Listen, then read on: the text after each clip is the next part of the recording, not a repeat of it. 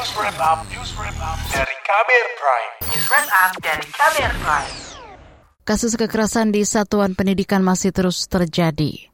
Padahal pemerintah telah melakukan berbagai upaya untuk mencegah kekerasan di sekolah. Salah satunya lewat Permendikbudristek tentang pencegahan dan penanganan kekerasan di satuan pendidikan atau PPKSP. Namun penerapan aturan ini masih belum sesuai harapan. Mengapa? Selengkapnya simak laporan khas KBR disusun Astri Septiani.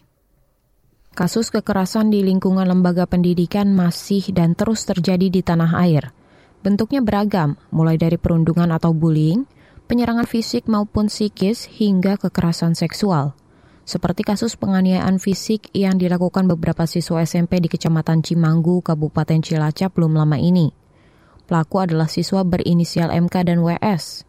Korban FF juga masih satu sekolah dengan pelaku. FF sempat dirawat di Rumah Sakit Umum Daerah atau RSUD Majenang, Jawa Tengah.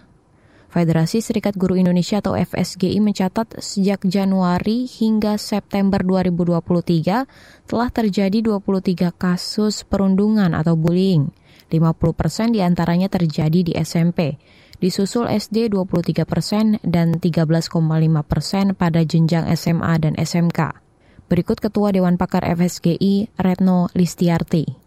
Uh, lalu bagaimana gitu untuk mengatasi hal ini memang harus diubah pola pengasuhannya. Pengasuhannya harus disiplin positif baik di lingkungan rumah maupun di lingkungan sekolah. Dan yang ini ya pengasuhan disiplin positif inilah yang sekarang sedang digalakan oleh pemerintah termasuk bagaimana pemerintah Republik Indonesia melalui, melalui Permendikbudristek nomor 46 tahun 2023 yaitu melakukan bentuk pencegahan dan penanggulangan tindak kekerasan di satuan pendidikan. Beragam kasus kekerasan di lingkungan sekolah yang kini mencuat dinilai sebagai fenomena gunung es, yakni hanya tampak di permukaan.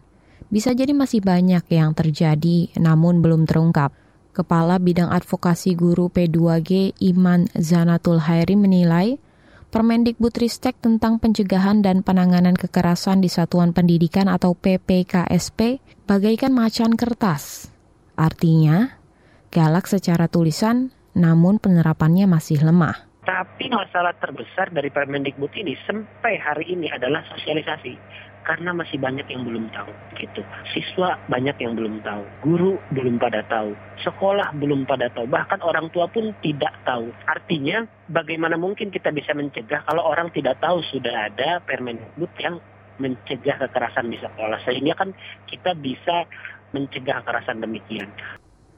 Komisi Perlindungan Anak Indonesia atau KPAI memiliki pendapat tak jauh berbeda dengan P2G. Komisioner KPAI Aris Adi Leksono menyebut Permendikbud 46 tahun 2023 harus dipahami semua pihak.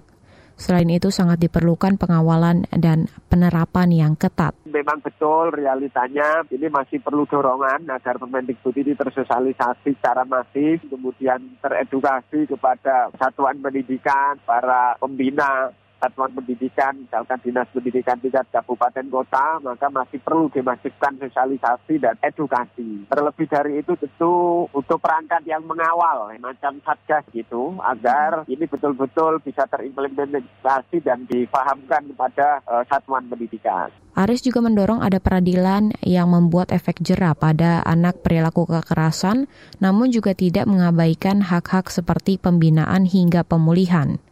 KBR sudah mencoba menghubungi dua orang pejabat di Kemendikbud untuk mewawancarai soal pelaksanaan Permendikbud PPKSP. Tetapi hingga berita ini disiarkan, keduanya belum respons.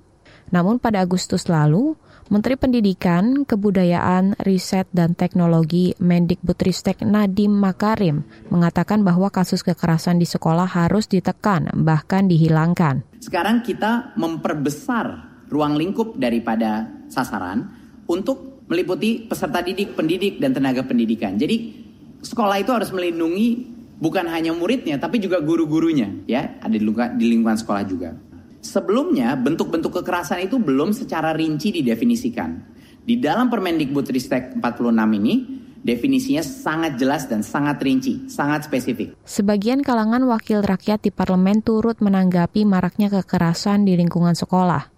Menurut anggota Komisi Pendidikan DPR Muhammad Nur Purmasidi, kepala sekolah harus ikut bertanggung jawab menciptakan lingkungan anti kekerasan di satuan pendidikan. Berarti kalau anak-anak kita melakukan bullying, berarti sistem belajar mengajar, sistem pendidikan kita, sistem kurikulum yang dikembangkan belum pas, belum sesuai sehingga tidak belum bisa menciptakan uh, pelajar Pancasila. Muhammad mendesak kepala sekolah harus bisa menciptakan standar nilai di sekolah yang dipimpinnya. Kata dia, perlu sistem yang baik di sekolah agar bisa menciptakan karakter manusia yang berkualitas. Demikian laporan khas KBR yang disusun dan dibacakan Astri Septiani. Kamu baru saja mendengarkan news wrap up dari KBR Prime. Dengarkan terus kbrprime.id, podcast for curious mind.